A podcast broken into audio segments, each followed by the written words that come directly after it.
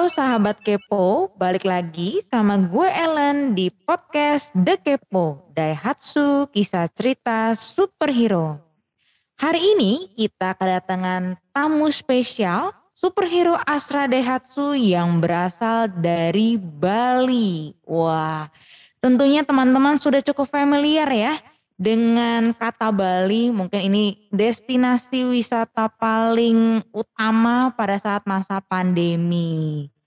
Nah, kira-kira kenapa ya hari ini kita kedatangan tamu jauh-jauh dari Bali? Nah, langsung saja saya panggil Mas Putu Adi Arimbawa selaku personalia dan General Affair di Astra Daihatsu. Selamat pagi Mas Putu. Halo, selamat pagi Mbak Ella. Selamat pagi sahabat Kepo semua. Sangat banget nih Mas Putunya. Bagaimana kabarnya Mas Putu hari ini? Sehat luar biasa. Fantastis number one. Ini kayaknya kalau lihat Mas Putu rasanya pasti ingin semangat gitu ya. Karena nih sebagai contekan sedikit ini ya prestasi yang sudah ditorehkan oleh Mas Putu kayaknya banyak banget. Kayaknya nih pengen banget nih uh, hari ini Ellen share ke teman-teman semua sahabat kepo. Kali ini superhero kita juga bukan kaleng-kaleng nih teman-teman. Kenapa Mas Putu ini kita panggil? Karena Mas Putu ini sudah mengharumkan nama Astra Daihatsu di Innov Astra yaitu salah satu ajang kompetisi inovasi se-Astra Group. Wah ini sangat luar biasa nih se-Astra Group. Dan sudah meraih posisi runner up untuk kategori SS Suggestion System di iya di tahun 2021. Nah ini mungkin teman-teman juga masih nggak tahu ya suggestion system itu apa ya. Nah nanti akan gali lebih lanjut lagi sama Mas Putu. Nah mungkin dari Mas Putu bisa cerita nih bagaimana awal perjalanan karir Mas masuk Astra Daihatsu. Silakan Mas Putu. Oke Mbak Elan, terima kasih Mbak Elan udah diundang di uh, podcast The Kepo ini luar biasa sekali ya. Mudah-mudahan saya bisa sharing uh, sesuatu kepada teman-teman atau sahabat Kepo semua gitu. Oke baik, uh, masuk Astra gitu ya.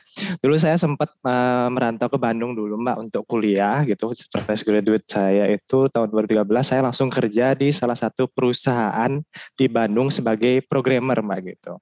Jadi kerjanya cuma bentar, cuma 10 bulan, cuman rasanya lama banget gitu.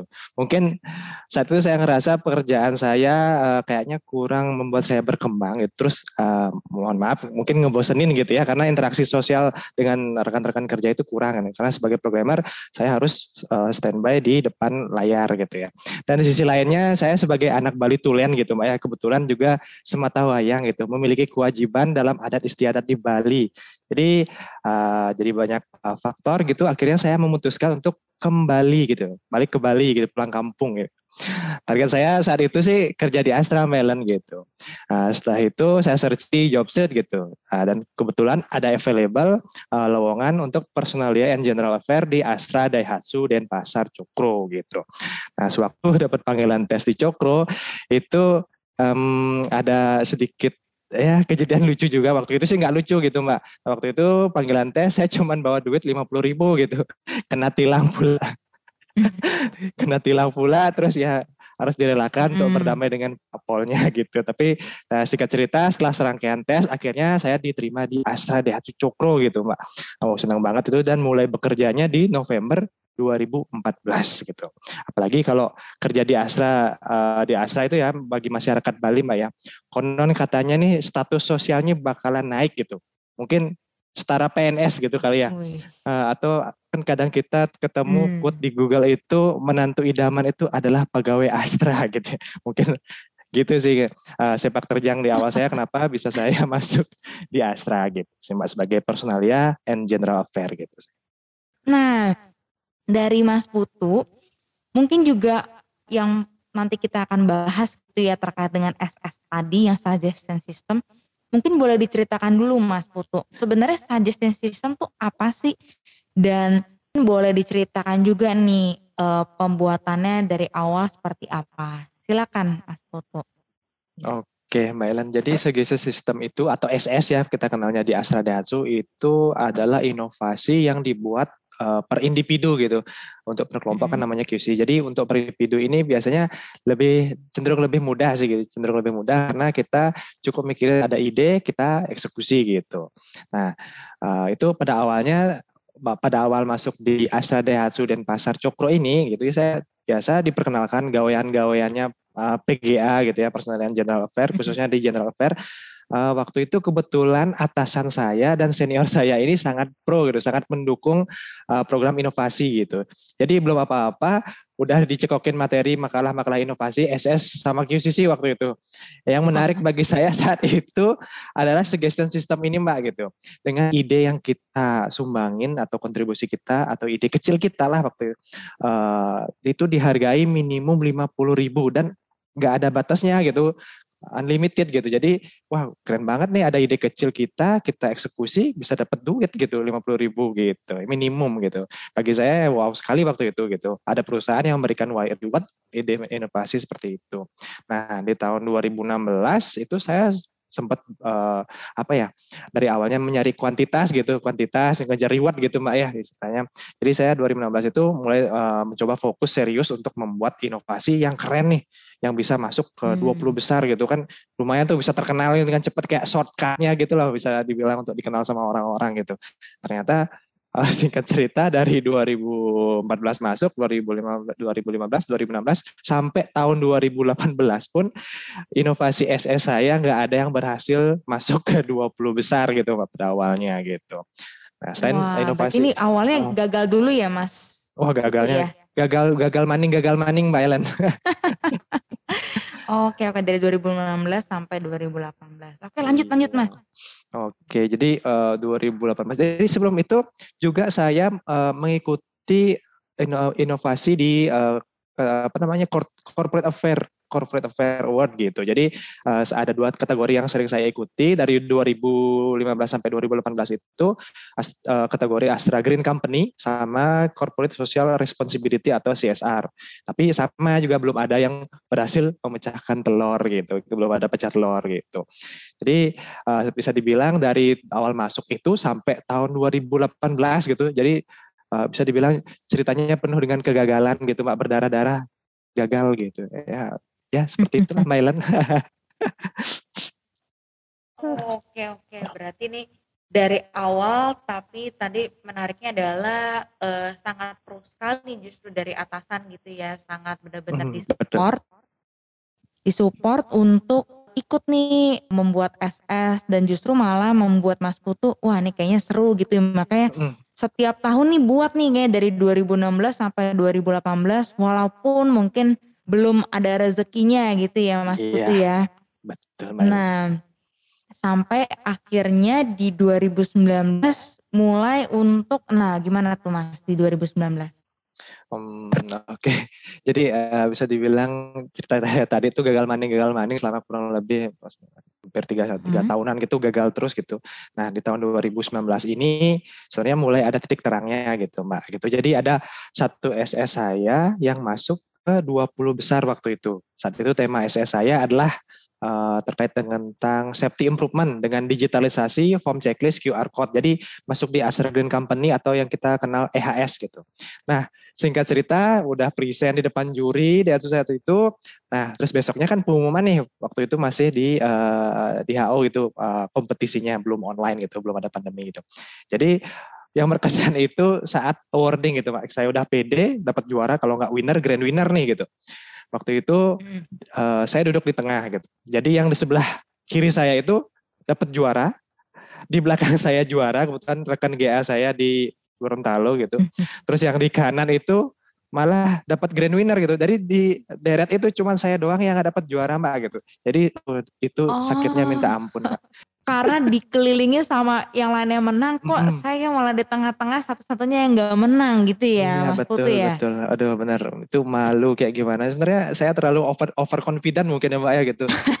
Sudah udah pede banget gitu. Ya itu bener kayak apa ya kayak ambruk gitu langitnya Mbak memang uh, mungkin karena saya terlalu apa namanya uh, cenderung ambisius gitu sama uh, SS ini sudah saya ikuti dari 2014 gitu bahkan sampai di perjalanan pulang ke Bali gitu uh, dari dari head office itu di pesawat di rumah itu kayak bengong gitu ya kok bisa ya kalah gitu uh. itu bisa dibilang ah. titik terburuk saya di uh, ranah ya. inovasi ya ya galau gitu mbak gitu kayak chat gak dibalas uh. gitu mbak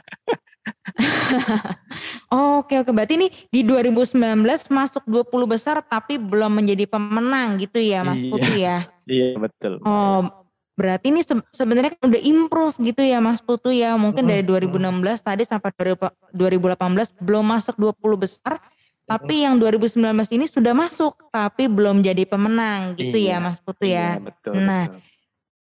tapi yang buat saya penasaran gitu ya Mas bagaimana sih dari Mas Putu sendiri gitu ya tetap semangat gitu untuk berinovasi padahal nih ya ya mungkin kalau ngelihat mungkin kalau dari saya sendiri gitu ya mungkin kalau udah kalah kalah kayaknya udah semangatnya tuh semakin surut gitu. Nah ini apa yang membuat Mas Putus makin semangat justru dan malah semakin ngejar dan ambisinya ini masih besar banget gitu. Bagaimana Mas Putu? Hmm, itu uh, kayaknya rasa ingin tahu deh mbak, rasa ingin tahu. Hmm. Terus saya memang tipikalnya ambisius dan suka tantangan gitu sih. Itu yang paling memicu saya. Jadi dari awal itu uh, kita udah berdarah-darah, terus nyebur gitu ke bisa dibilang palung yang paling dalam gitu bagi diri saya gitu, versi saya. Uh, dan gitu saya harus coba evaluasi dulu lagi nih gitu uh, di bagian mana yang saya ada miss gitu.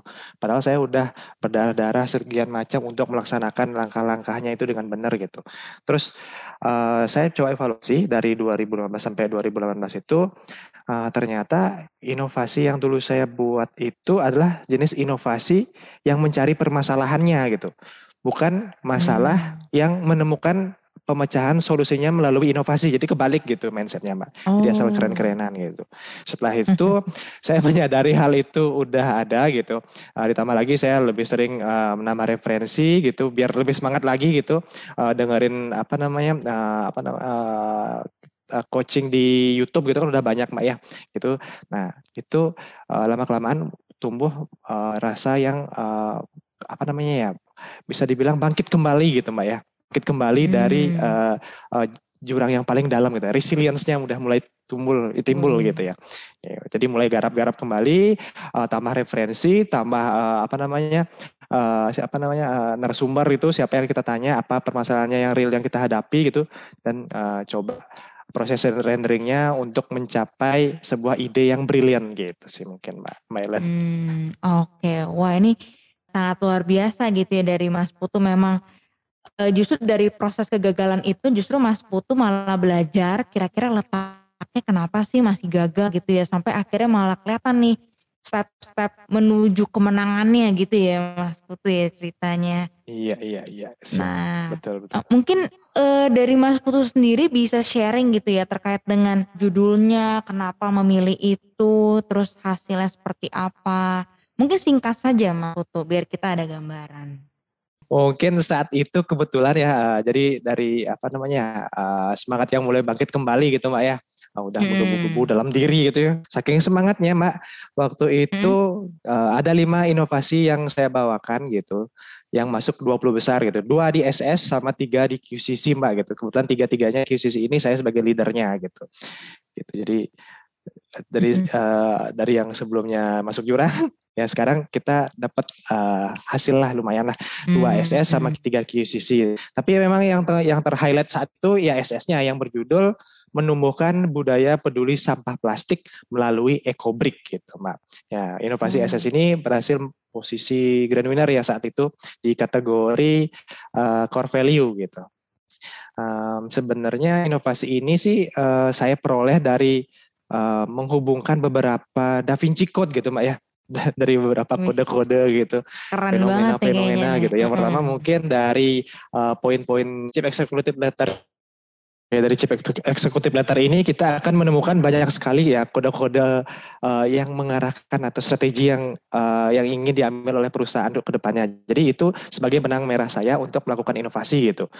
Nah, terus yang kedua adalah memahami fenomena atau kebijakan yang terjadi di uh, uh, di kantor ataupun di masyarakat gitu. Kebetulan saya uh, waktu itu mengambil uh, sebuah fenomena tentang plastik gitu. Kebetulan ada kebijakan dari pemerintah atau Pergub Bali tentang pembatasan pembatasan plastik sekali pakai gitu yang sangat ketat di Bali yang menjadi sorotan nasional juga gitu.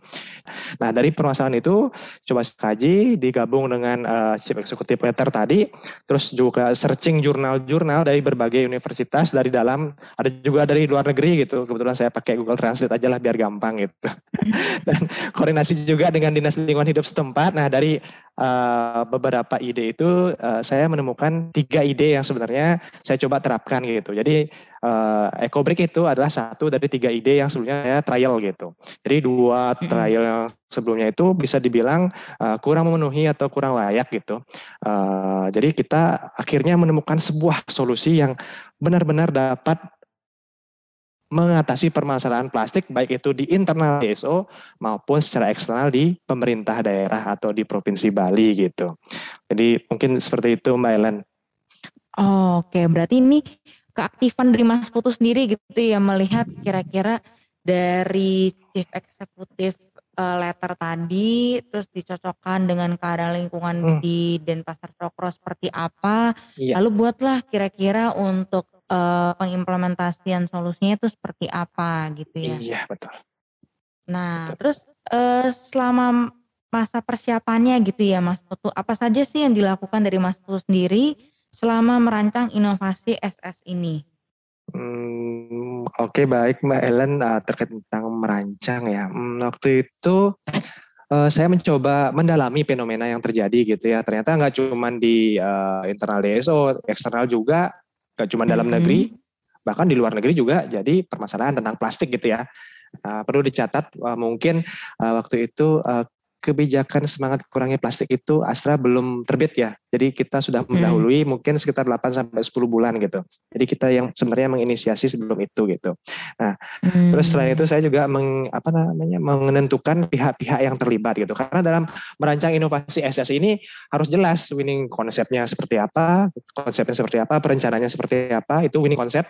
Terus winning sistemnya itu terkait tentang PDCA, sistemnya kayak gimana antar jalannya gimana terus pihak-pihak yang terlibat atau yang disebut winning team. Nah itu tiga poin itu sebenarnya menjadi penilaian utama dari uh, para juri nanti ketika kita misalkan ikut kompetisi uh, inovasi gitu. Yang terakhir ketika kita sudah uh, mengimplementasi ketiga hal tersebut ke sistem uh, winning team, winning concept dan winning system tersebut, yang terakhir adalah hasil gitu.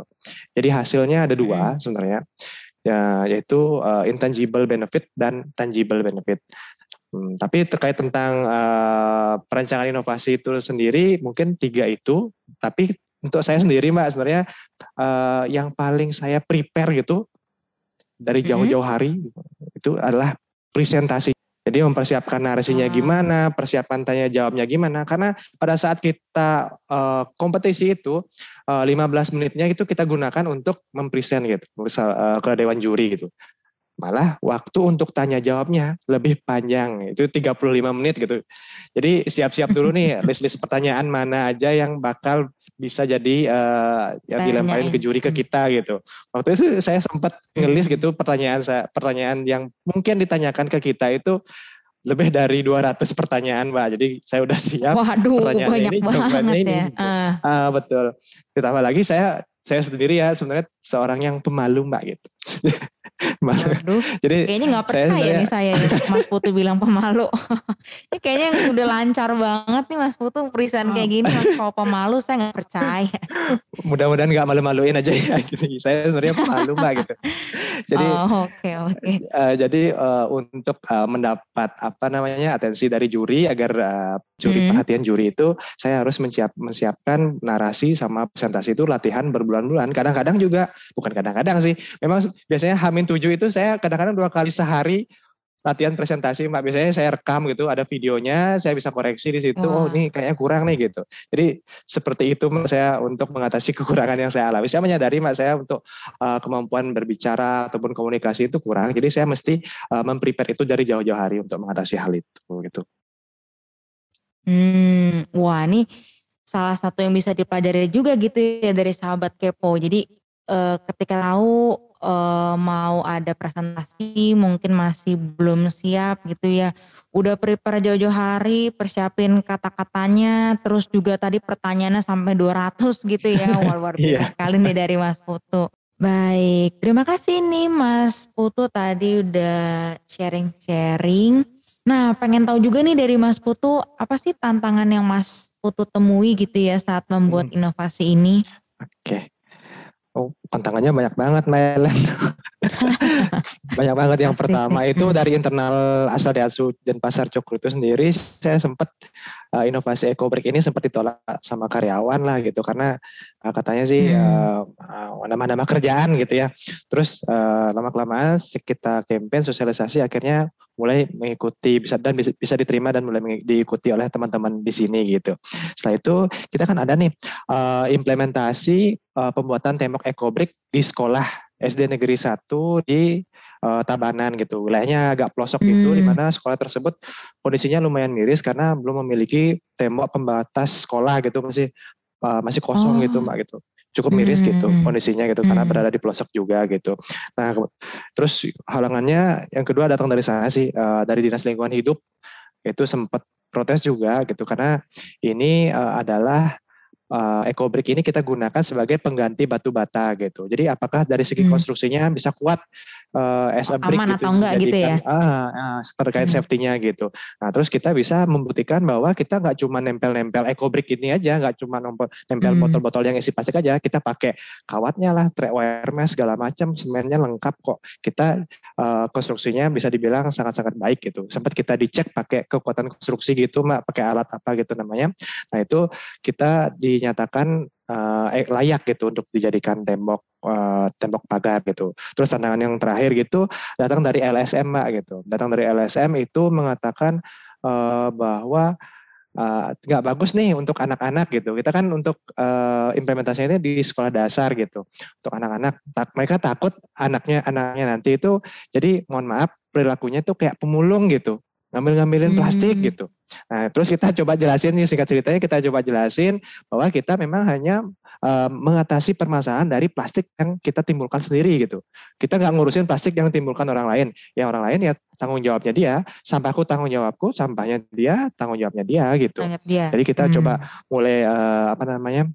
mulai coba untuk uh, kasih penjelasan dan uh, lama kelamaan yang menolak atau yang uh, kontra gitu pertama akhirnya mendukung program kita. Akhirnya dari situ kita bisa mendapatkan uh, relasi-relasi dan uh, winning timnya itu datang dari pihak eksternal malah yang ikut join untuk kegiatan EcoBreak itu. Gitu sih Mbak Ellen.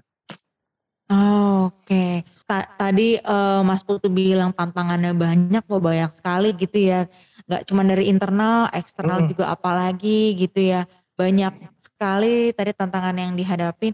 Nah, dari Mas Putu sendiri gitu, pernah nggak sempat kepikiran kalau kayak, wah ini kayaknya nggak mungkin nih, udah ditentang terus kayaknya susah. Mau gimana lagi ya? Apa pernah kepikiran nggak Mas Putu untuk mau stop gitu? Atau nggak ada sama sekali? Kalau mau stop sih enggak ya Mbak, karena saya udah terlanjur Hmm. nyebur uh, dalam gitu. Terus dari segi konsepnya udah jelas kok kita uh, satu sisi kita permasalahan plastik bisa dipecahkan dengan EcoBrick ini gitu. Terus yang kedua Hmm. kita bisa mengatasi permasalahan uh, mohon maaf sekolah yang belum memiliki tembok pembatas uh, atau tembok pagarnya gitu. Ada dua permasalahan yang uh, bisa diatasi gitu. Jadi kenapa tidak kita lanjutkan gitu dan didukung juga oleh Hmm. atasan saya yang sangat-sangat uh, pro gitu tentang inovasi yang saya coba uh, jalani ditambah lagi dukungan teman-teman uh, ya itu yang tadi yang saya jelaskan akhirnya semua orang mendukung gitu itu sih Ellen Hmm. tidak never Wah, berarti- stop Oh, oh, nggak pernah never stop ya, karena mungkin Iya. mikirnya lebih mikir ada goal yang harus dituju gitu ya, bisa memecahkan masalah lebih banyak. Udah gitu tadi teman-teman dari atasan semua juga support gitu ya, Mas. Putu ya. Makanya tadi kata Mas Putu, never quit, never stop gitu ya Mm. istilahnya. Oi, Iya. keren banget nih. Nah, oke okay nih Mas Putu. Tadi kita udah dengerin dari Mas Putu cerita pertama kali masuk. Tadi juga udah uh, cerita-cerita juga terkait jatuh bangunnya, gagal dulu ya kurang lebih 3 sampai 4 tahun belajar dari kesalahan, kemudian di tahun 2019 akhirnya bisa masuk 20 besar dan ikut terus sampai akhirnya yang ada yang menang nih. Nah, mungkin yang abis ini kita akan uh, cerita lebih lanjut gitu ya terkait dengan ketika perasaannya nih pas menang seperti apa. Nah, cuman tunggu dulu boleh, nih. Boleh. Kita kita akan dengerin itu uh, di episode berikutnya gitu ya Mas Putu ya. Jadi kita simpan hmm. dulu buat teman-teman. Nah, makanya nih buat teman-teman yang lainnya uh, sahabat kepo di rumah, mungkin di kantor juga, stay tune terus dengan podcast The Kepo and see you guys on the next episode.